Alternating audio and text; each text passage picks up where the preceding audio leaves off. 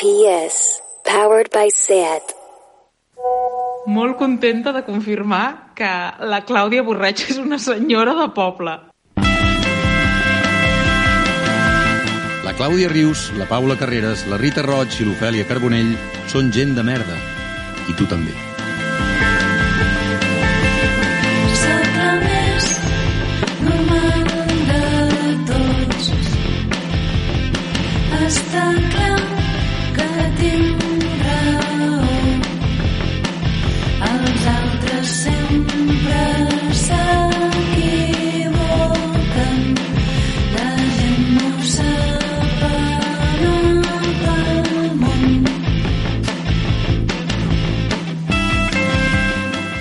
Bon dia. Bon dia, Clàudia. Rita, bona tarda. Bona tarda. Ofèlia, bona nit. Bona nit. Bon dia, bona tarda, bona nit. Tant se val quan escolteu això perquè el que ara mateix ens importa és el com.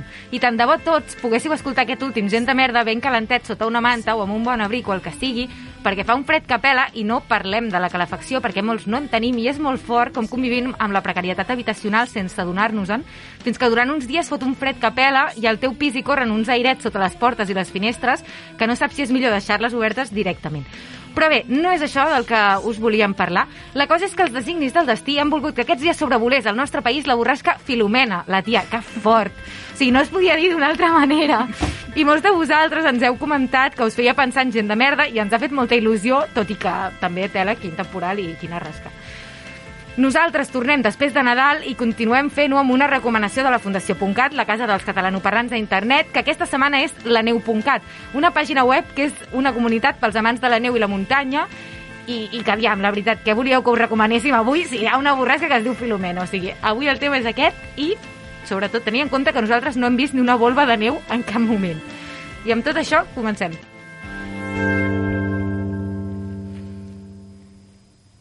Paula, quina és l'última persona que s'ha estalquejat? Doncs és una persona que un dia ens va escriure dient que s'estava deixant la meitat de les gigues mauritanes per veure un vídeo de gent de merda a YouTube. L'estalquejada a la cara.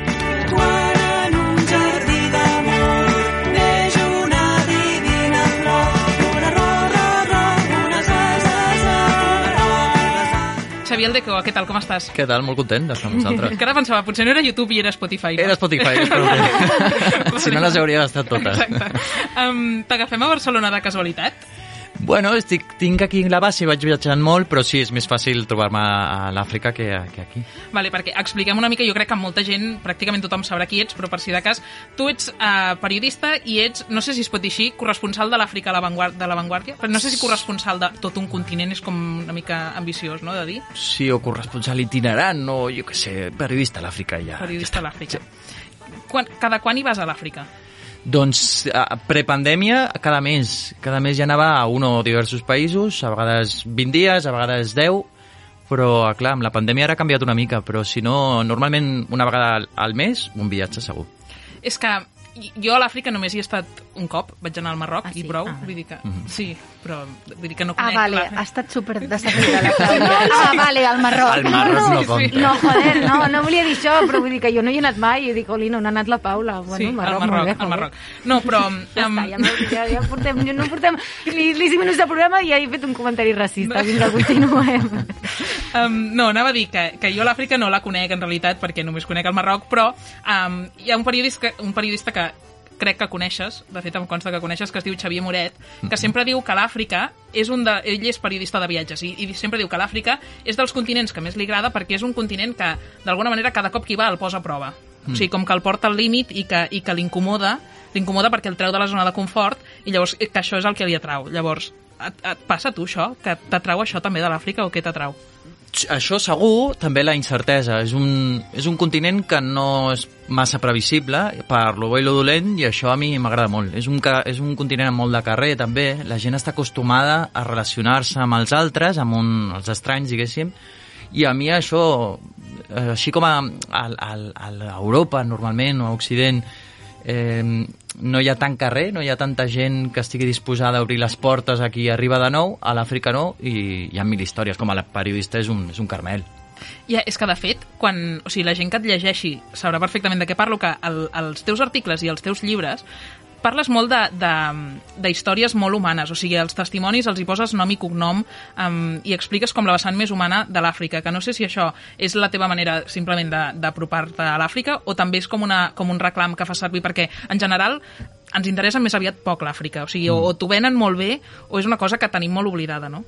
Però per això mateix, jo crec que si ens fixem en coses eh, que ens allunyen, és molt difícil que arribi aquesta empatia. Llavors, si te'n vas a la, a la concret, a lo, lo petit, eh, lo ordinari, per explicar l'extraordinari, és, és on, on pots arribar a que hi hagi una certa em- empatia. Si jo parlo de la guerra al Sudan del Sud, doncs jo que sé, als dos minuts jo crec que esteu ja dient, bueno, vale, vale, eh, tallem el programa i aquí i continuem d'una altra manera. En canvi, si explico la història d'unes noies, que una noia de 15 anys que atravessa el país perquè vol estudiar i se'n va eh, amb una canoa i, i, i atravessa la frontera corrents per poder estudiar, aquí ja comencen a haver-hi conceptes que podem entendre tots. La nostàlgia per la seva família que deixa enrere, la por de que no saber el que vindrà, l'esperança o el somni de voler estudiar, mm, de la incertesa de no saber què passarà.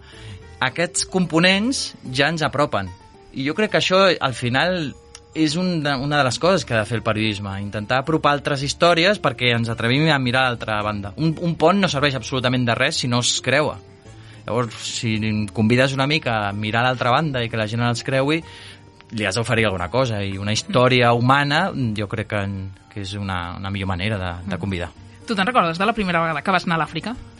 Sí, a Mali, a Mali vaig ser un xavalín, tenia com 20 anys o una cosa així, i, i estava cagat, la veritat, no, ho, vaig, ho vaig viure com estar a la- a la- a l'avió, perquè a més era com molt kamikaze al principi i deia, no, no agafaré cap hotel, o sigui, no, no vull fer absolutament res de preparació de, del viatge. i Perquè que era un viatge d'oci?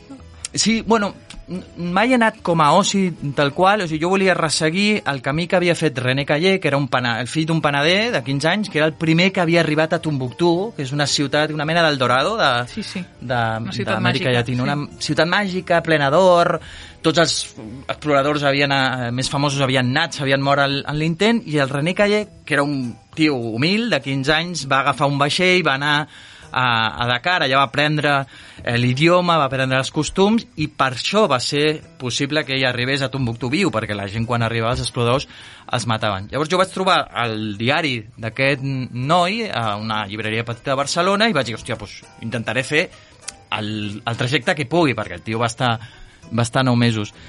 I vaig arribar eh, intentant resseguir aquesta història a veure si podia fer un, un reportatge, però d'una manera molt kamikaze, com deia abans. I Jo Però no tu, tu tenia ja havies idea. escrit a mit... O sigui, tu ja estaves escrivint per mitjans o alguna cosa? O, sigui, amb, amb 20 anys... Eh, o vas dir, intentaré no. fer un reportatge i intentaré ve- vendre la, Sí. aviam si algú me l'agafa, no? I el te'l vas arribar a fer? Exacte. Sí, dos anys i vaig trigar dos anys i pico en publicar-lo, però, però al final sí, sí, sí, el vaig publicar. També vaig començar a treballar a la, de becari a La Vanguardia i llavors això em va, em va possibilitar que aquestes portes es comencessin a obrir. Però va ser més l'experiència, recordo vaig estar un mes i pico vaig perdre l'avió de tornada, va ser, no vaig dormir cap dia en hotel, no, con- no coneixent a ningú, va ser com molt, un viatge molt, molt fàcil, molt fàcil i un desastre a la vegada. O sigui, recordo vaig, l'últim tram és amb canoa, has de fer una, des de- des d'abans de, Mopti fins a Tombuctú. I jo li vaig preguntar al noi quan trigaria, em va dir tres dies i vam trigar, no sé si 10. O sigui, allà vaig perdre el- l'avió, vaig perdre, no sé si 10 quilos, perquè només menjàvem arròs, però va ser genial. O sigui, va ser un viatge de dir, hòstia, jo això em sembla que m'agradaria repetir-ho. Mm.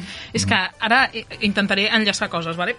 però um, tu uh, fa un any i mig més o menys vas presentar el teu últim llibre que es diu Indestructibles, el vas presentar al CCCB amb la, amb la Rosa Maria Calaf, jo hi era, i una de les coses que vas dir que a mi em va fer reflexionar molt eh, després de la presentació, diguéssim, és que vas dir que créixer era um, reformular-te les preguntes o canviar-te les preguntes que tu et formules, al, o sigui, ho, ho deies en, en clau periodisme, eh? o sigui, en clau mm. laboral. I llavors pensava, no sé si ha canviat alguna cosa de la teva relació amb l'Àfrica des d'aquest primer viatge a Mali fins ara, no? O sigui, fins...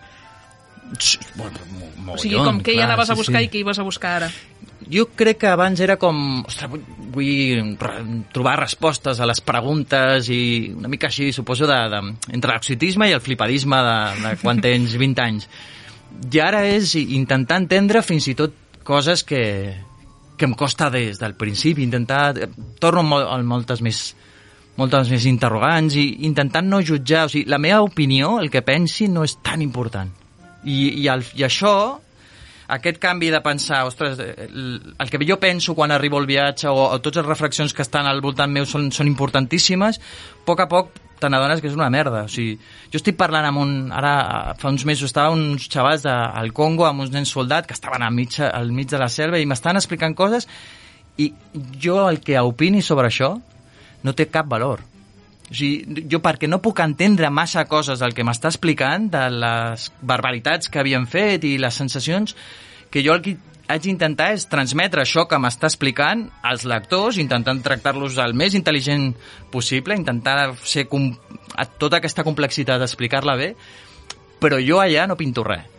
I aquesta sensació de que jo no pinto res, i jo crec que és una de les coses que més ha variat. Al principi era com, hòstia, jo vull entendre, vull saber coses, i a poc a poc dius, al final, tio, tu... I que la línia tu- entre l'activisme i el periodisme potser cada cop és menys fina, no?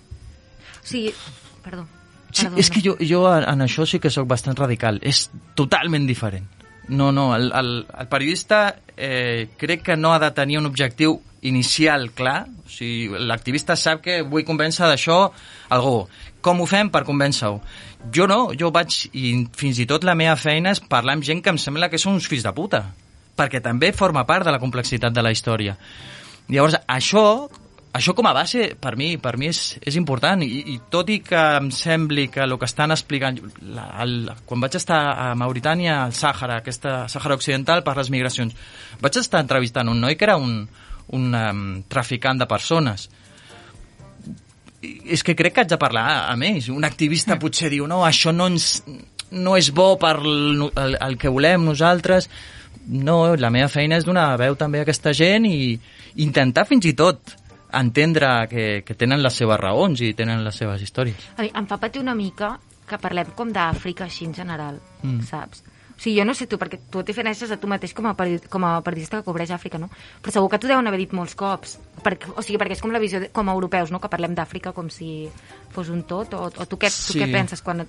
Bueno, és una convenció, al final és una manera de situar-nos a un mapa. Eh, Mm. Sí, és cert, està malament, són 55 països i dintre de cada país hi ha una diversitat brutal, però, però si ens entenem des d'aquest punt de partida erroni, a partir d'aquí podem començar a parlar. Si Europa té alguna cosa que veure Dinamarca de mm, Grècia, no massa. però Algunes coses sí, algunes coses no, i a partir d'aquí, sí, com a porta d'entrada, per saber on entres i saber que aquesta sala, aquesta habitació té una diversitat brutal, doncs som-hi. És, és erroni, però jo crec que cada vegada això s'assumeix més, eh? O sigui, el concepte d'Àfrica com, a, com a país, que a vegades es continua dient, Sembla, sí. a mi em dóna la sensació que ja està bastant superat, o hauria, hauria d'estar. Ja. Bueno, Ara, sí. és que, si et sembla, ara passarem a la secció de la Filomena, que en realitat també tocarem una mica d'aquests temes. Remena, Filomena. Remena, remena, nena. Vale, la Filomena avui podria haver obert molt fàcilment el meló de Tinder perquè ja hem comentat algun cop la quantitat de gent que es posa al seu perfil fotos d'ells amb nens negres a viatges així com de volunturismo. Llavors el tema al que anem és aquest, però el farem parlant de remenant un altre tipus de persones que no són les persones de, de Tinder, sinó les influencers, que abans estàvem, estàvem parlant d'això. I parlarem d'influencers i del seu complexe de Salvador Blanc i també una mica del nostre complexe de Salvador Blanc, si podem. Um, però així com per començar, abans no semblaves gaire familiaritzat, et farem una petita introducció. El cas més conegut de Salvador Blanc Influencers és del 2018 amb la Dulceida, que va anar a Sí, Sud-àfrica Sud-àfrica. i va regalar unes ulleres de sol. Aquest el conec, aquest sí. aquest és el, el més um, famós i llavors n'hi ha hagut molts més, però perquè bàsicament les influencers són persones que tenen diners per viatjar, no? I per exemple, la Maria Bombo, que ens encanta, som fans, um, va anar a Kènia a fer també coses així amb una ONG i llavors um, la Filomena el que ha estat veient és que les, els missatges que, que aquestes influencers posaven a les seves fotos tenien tots com el mateix to, no? Um, la Dulceida va dir a la, a la foto de les ulleres, va posar que ella estava feliç per haver-los hecho sonreír en els nens aquests, no? I la Maria Pombo va dir una cosa fortíssima, que va conèixer el verdadero significado de valentia, que és una cosa molt forta. O sigui, el verdadero significado de valentia em sembla fortíssim que el coneguis a Kènia, um, i també va parlar de carícies i sonrises que te lleguen a l'alma. Llavors, per què ens relacionem així amb l'Àfrica? I més concretament, què ens passa amb els somriures dels nens de l'Àfrica? O sigui, per, per què tothom perquè parla ens, sempre ens d'així? flipem moltíssim amb el continent. És com, oh no, perquè tot és tot, tot uh, això del salvatge, no? el bon salvatge, tot el bo que és... I, i després és una merda, eh? O sigui, la... és veritat que, abans deia, té, és un continent molt de carrer. La gent que, que viu al carrer normalment eh, es relaciona d'una manera més alegre, però allà i aquí. Si tu veus uns xavals jugant al carrer i s'ho passen de puta mare, estan tota l'estona... Això passa molt.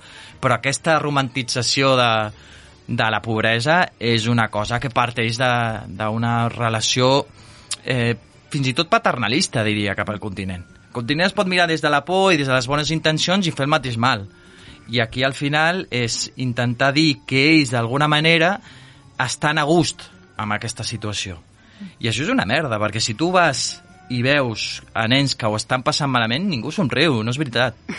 No és veritat que estiguin tan contents. Dona'ls dona menjar bé o dona'ls una, una pilota de puta mare llavors que, que s'ho passen bé. Llavors, fer aquesta, aquesta mm, relació entre no tenen i per això estan contents eh, primer que és absurd i és fals, però clar, dius, hòstia, i si, els hi, i si tinguessin algo més i estiguessin contents, llavors aquí eliminem aquesta, aquest concepte que nosaltres Clar. dèiem que era, que era el, el correcte. Sí, és com una fal·làcia, de fet, una mica cristiana, no? De com que si ets pobre, Sí. en realitat les coses t'aniran millor, que no només ho fem Però és des de la superioritat moral, una mica, des del dir, ai, és que, clar, jo vengo aquí i, i que bonics aquests nens que, que somriuen i aquestes dones tan, tan Tio, fortes. pareu de fer-ho. És que jo veig gent de la meva edat que encara ho fa i penso, tio, Però prou és que ja. també hi ha gent que es fa fotos a Berlín al, al memorial de l'Holocaust, saps? Vull dir que... Sí, Poc cap, sí, sí. És que jo crec que, que, o sigui, ara entenem que no es pot fer o sabem que no es pot fer, és a dir, a mi em faria vergonya fer una cosa faria així una vergonya i que em cridessin l'atenció de, ostres, Rita, aquest comportament que has tingut de Salvadora Blanca, de cop jo em sentiria vergonya, però alhora algú estem fent malament perquè entenem que no es pot fer, però potser no entenem del tot com què hi ha al darrere perquè la gent justifica sempre el seu cas particular. No, perquè jo vaig fer un voluntariat i per tant coneix... Saps? És com... No, però que tu et canvi, jo, jo puc entendre-ho, eh? perquè un viatge, una experiència personal pot canviar tu. Però imagineu, pos posem, portem-ho aquí, que tu vagis a un parc infantil, agafis uns xavals, et fotis una foto i dius avui he conegut el, realment el sentit de la bellesa o de l'alegria. Ets una flipada de, de la hòstia, o sigui, què fas? amb I- el Jan i la Laia. Del Clar, el Jan i la. Laia, i els hi ha regalat unes, unes ulleres de sol i mira que feliços són. O sigui, si t'enganxa el pare allà al costat, lo- o la mare, el que hauria de fer és fotre't una, una Però és que a colleja. més, el que és més flipant és que hi ha gent que se'n va a, a on sigui a fer-se fotos, a on sigui de, de l'Àfrica, o és que és igual, i, i després tenim a classe gent a Masic o, o doncs, del que sigui, i no tenim ni puta idea de les seves tradicions, no, no, no sabem res, no sabríem ni situar el, seu, el lloc d'on venen al mapa, i és en plan... I però és que... Bueno, perdó, o sigui, no estic, no, no, no estic dient res nou, no estic dient res nou, ja ho sé, però és que, o sigui, jo encara em flipa, perquè jo sé molt poques coses d'Àfrica, en general, i, i em sento com superracista cada dia de la meva vida, i alhora, quan veig gent que ho fa, penso, jolín, sentiu-vos també malament cada puto dia, Bueno, és el saps? que comentàvem abans, de que ell deia és una realitat molt complexa i no, no vols tractar el lector de tonto, però també suposo que alhora has de partir de la base del que deia la Clàudia, de, bueno, és que hi ha gent que es pensa que Àfrica és un país, o sigui, no que s'ho pensi, però que tractem Àfrica com un país i per tant costa... Ja. Però, és que, però és que hi ha problemàtica a molts nivells, perquè tu en un mitjà, quan vols parlar d'Alemanya, si pots trobar un periodista alemany que parli català, castellà, eh, el busques. Mm, costa molt trobar periodistes africans que parlin en mitjans, no? O sigui, normalment és, doncs, o truquem al Xavier Aldecoa perquè coneix Àfrica, mm. però des del punt de vista d'una persona catalana que coneix Àfrica, no? O sigui, costa molt també Clar. trobar veus africanes. I pitjor, moltes vegades es relegava, a, i això està canviant una miqueta últimament, però el paper de víctima a l'africà o l'afric... normalment africana, i a l'expert era occidental. O sigui, quan havia d'analitzar era eh, fins i tot les notícies i de més, i això eh, especialment amb les, les dones. Les dones africanes eh, acostumen sempre a sortir com les víctimes, amb els nens, eh, i en canvi de, després potser un, un metge africà i després un analista occidental. I això és pervers, perquè clar, a poc a poc vas situant i vas col·locant a, a cadascú en un lloc que, que se suposa que li hauria de Clar, correspondre. I segurament tu pensant que estàs donant veu i que per tant ho estàs fent superbé. Sí, sí, sí. Clar, o sigui, de fet, el que et volia preguntar és si tu um, tenies tics de Salvador Blanc o com, com tu treballes, perquè és Sí. que és, pues, vull dir, som blancs, tenim els privilegis de ser blancs i llavors suposo que la teva feina com et confronta a haver d'intentar tu destreure't d'aquests tics i com, com ho fas, això? Segur, segur. O sigui, jo, jo prejudicis eh, en tinc i, i, i la, la única manera que jo eh, conec d'intentar lluitar contra això és escoltar molt a la gent d'allà. Perquè jo a vegades vaig amb algunes concepcions eh, fetes. Me recordo, vaig anar a fer... No, no era tant un reportatge, tot i que al final vaig acabar fent algunes històries, però a Gàmbia vaig anar a fer unes... com de professor d'unes noies que volien ser fotoperiodistes. Doncs eh, van estar eh, fent un curs i els hi vaig dir que fessin grups i fessin reportatges. I em van dir que volien parlar de la migració. Vale, guai. Jo vaig pensar, doncs jo que sé, que farien les històries que fem nosaltres, de drames, de... I ho van voler tractar a partir de com, es, com viuen la migració les nòvies dels nois que se'n van. Vale? Saps? I, i la, la relació que, que tenien amb la migració era totalment eh, positiva i alegre. O sigui, ells estaven super orgullosos d'aquests nois que se n'anaven, sí, preocupades i de més, però parlaves amb elles i estaven super contentes. I allò em va trencar totalment els esquemes. O sigui, jo estava preparat per fer un report i parlar amb elles i amb una història trista, pensant fins i tot, ostres, si això ho converteix en un report, hauré de fer una història, una, una foto una mica obscura, i va ser tot el contrari. O sigui, hi ha vegades que és, el, tu vas a uns prejudicis i si et poses a escoltar dius, hòstia, això no, no em quadra. Jo també penso que hi ha una mica aquí de dilema, perquè crec que una cosa és la feina que, que, que fa un periodista, que cobreix en aquest cas tot el continent, no? i que llavors aquí hi ha moltes coses a dir, però bueno, la feina del periodista és narrar això i després tu pots parlar de si realment eh, s'han de deixar espais a, a persones que parlin en primera persona, etc. Però després hi ha tota la resta de gent del món que no és periodista i que et va mm, gratuïtament a Àfrica d'alguna forma, o que parla de la gent negra o del que sigui d'alguna forma, sent nosaltres blancs, i, i dius, bueno, realment tu no tens com cap excusa ni tan sols, saps? O sigui, només estàs fent... És que, o sigui, jo vaig llegir un, un article, de fet, de, de la Paula Erickson en el, en el motiu del Black Life, la, Lives Matter a públic, que hi havia una frase que, que em va semblar molt guai i que no s'aplicaria tant als, als periodistes, tot i que segur que també hi ha molt debat, eh? però que era una noia, una actriu que es diu Sílvia Albert Sopale, que és membre de Tinta Negra, i que deia sobre, sobre, mm, sobre els blancs, diu, haurien de fer un canvi de xip i començar a parlar sobre la seva herència colonial i de la seva blanquitud. I la, la Sílvia deia, han de deixar d'explicar la història del poble samba que va creuar Àfrica per començar a explicar la història del blanc que van explotar a Àfrica. O sigui, com sempre que anem a Àfrica o on sigui, parlem dels casos d'allà i com a periodista segurament és el que s'ha de fer. Però què passa amb el nostre rerefons que nosaltres també tenim colonial o amb els nostres deixos que encara tenim? Per què no els expliquem mai? Perquè no trobem l'espai tampoc per desenvolupar tot això, no? Jo crec que hi ha, hi ha un component també de, de saber eh, rectificar, o sigui, pots, pots cagar-la. I està bé que... O sigui, a mi, la gent que s'apropa a l'Àfrica i s'equivoca, em sembla bé.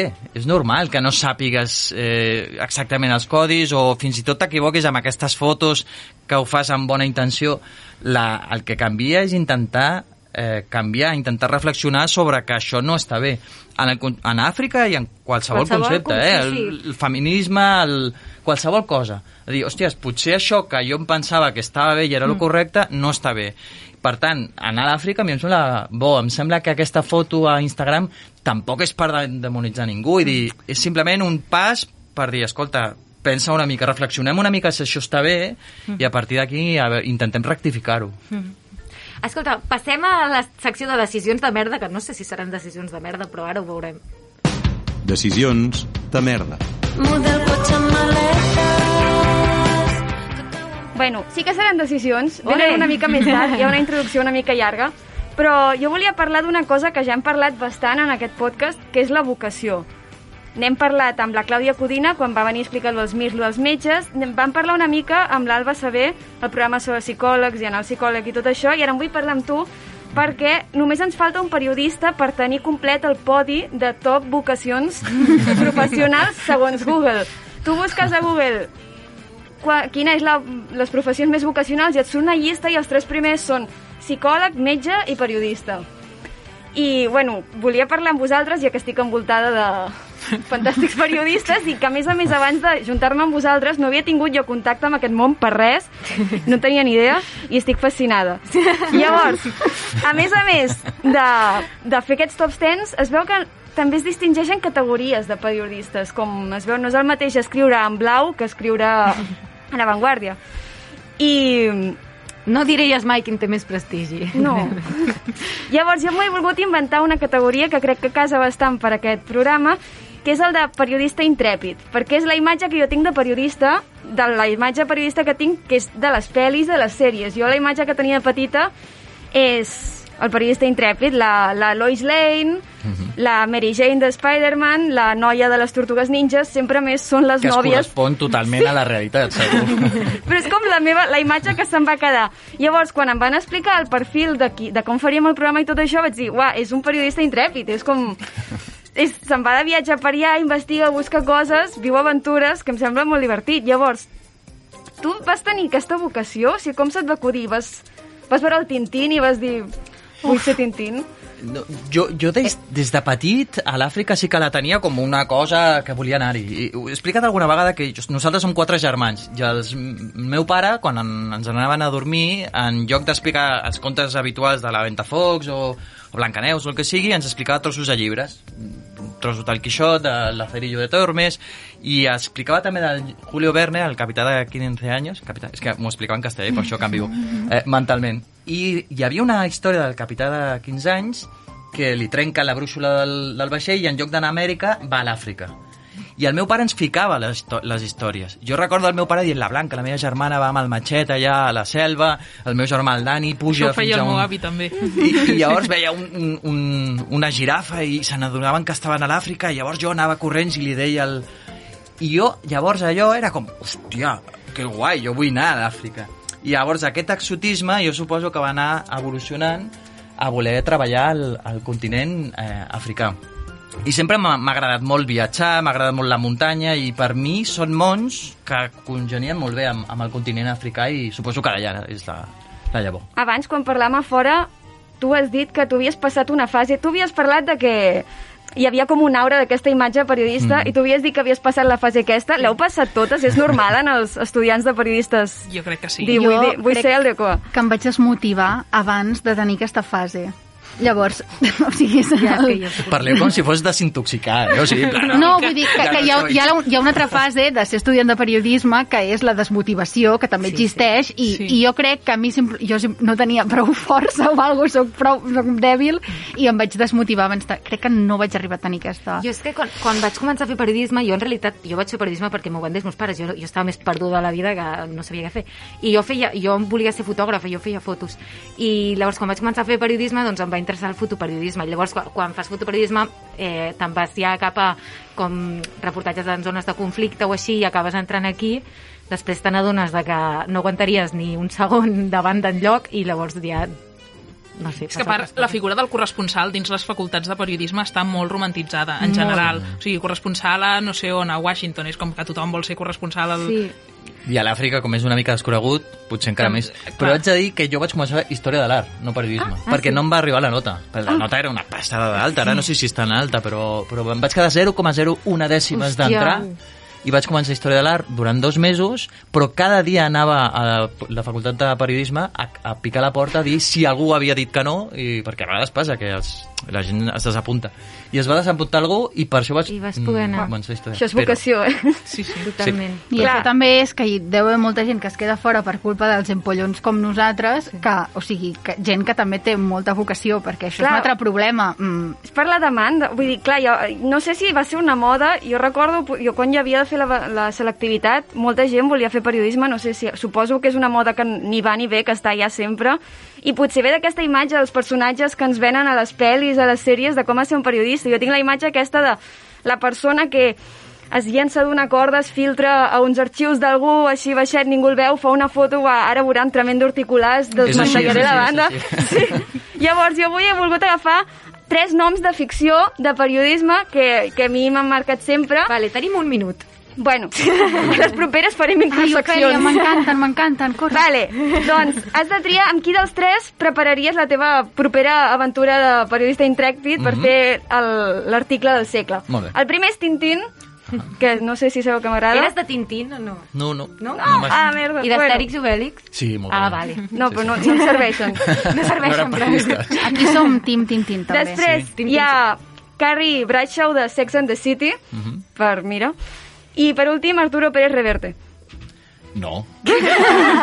o sigui, clar, diria aquí Tintín, perquè, perquè jo què sé, perquè, perquè viatjava molt i era un tio molt valent, però és que no llegia molt, jo era molt de Tintín, ai, d'Astèrix Obélix, de Yacari, però no de... Yacari, sabeu qui és? No. No, és que hi ha hagut un silenci que he dit, hòstia, aquí era un indi que parlava amb els animals, i m'agradava molt. Però no, però no estava dins d'Astèrix i Obèlix. No, no, no. Ah, no. vale, era, un com altre. un altre... Vale, vale. No, és veritat que potser no era tan, tan conegut. Diria Tintín perquè, jo què sé, pel Milú mateix. Ah, ho feien, Ah, a és que el Milo és boníssim. ho feien al Super 3? El Yaca... No, però eren còmics, eh, el Yacari. Ah, és que surt com opening en català, no sé què. Ah, potser, potser Ah, van potser fer dibuixos després després. fer dibuixos. A mi m'agradava perquè era un indi que parlava amb els animals i vaig pensar, hòstia, A mi jo, això m'hauria com agradat. mola això de que parli amb els animals.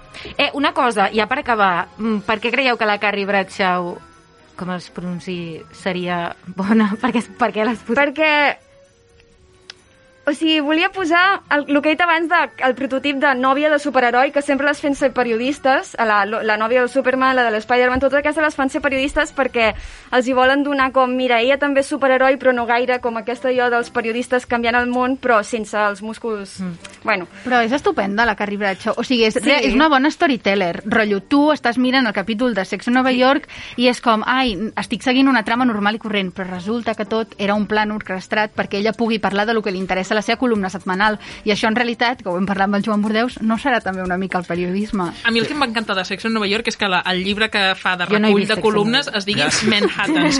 no, jo tampoc, eh? per Quan això m'ha ho posat aquesta opció he pensat, Sí. no tinc ni puta idea qui Només és. tenia molt Per clar tant, que el Reverter no. Clar, sí, era, no tinc ni idea qui és, Tintín no, i he pensat, el següent, i he dit, Arturo Pérez Reverte, no. Llavors, Tintín. Per eliminació el Tintín, no? No, volia posar algú que descol·loqués. Ho has aconseguit. Bueno, moltíssimes gràcies per venir. És que ja està, ja s'ha acabat el programa. O sigui, em fa una por que tinguem com molts comentaris per haver sigut racistes sense voler-ho 30.000 cops en mitja hora, però bueno. Mm, intentarem Pues, millorar, pues, sigui el que sigui. pues així serà, sí. És Pues així serà, així serà. Moltíssimes gràcies per Gràcies, venir. que curt se m'ha fet, se fet molt ràpid.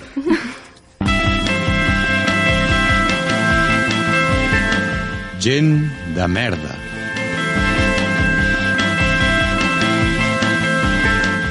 Aquestes que sonen són la Rombo. Nosaltres som la Paula Carreras, la Rita Roig, l'Ofèlia Carbonell i la Clàudia Rius. I som gent de merda gràcies a la inestimable ajuda de l'Andrei Ignat i el Nacho Medina, que fan que tot soni i es vegi bé, la Clàudia Torrents, que ens ha fet aquest logo tan guai, i el David Caravent, la veu més sexy a Catalunya. La setmana que ve més. Adeu, noies. Adeu. Adeu. Adéu.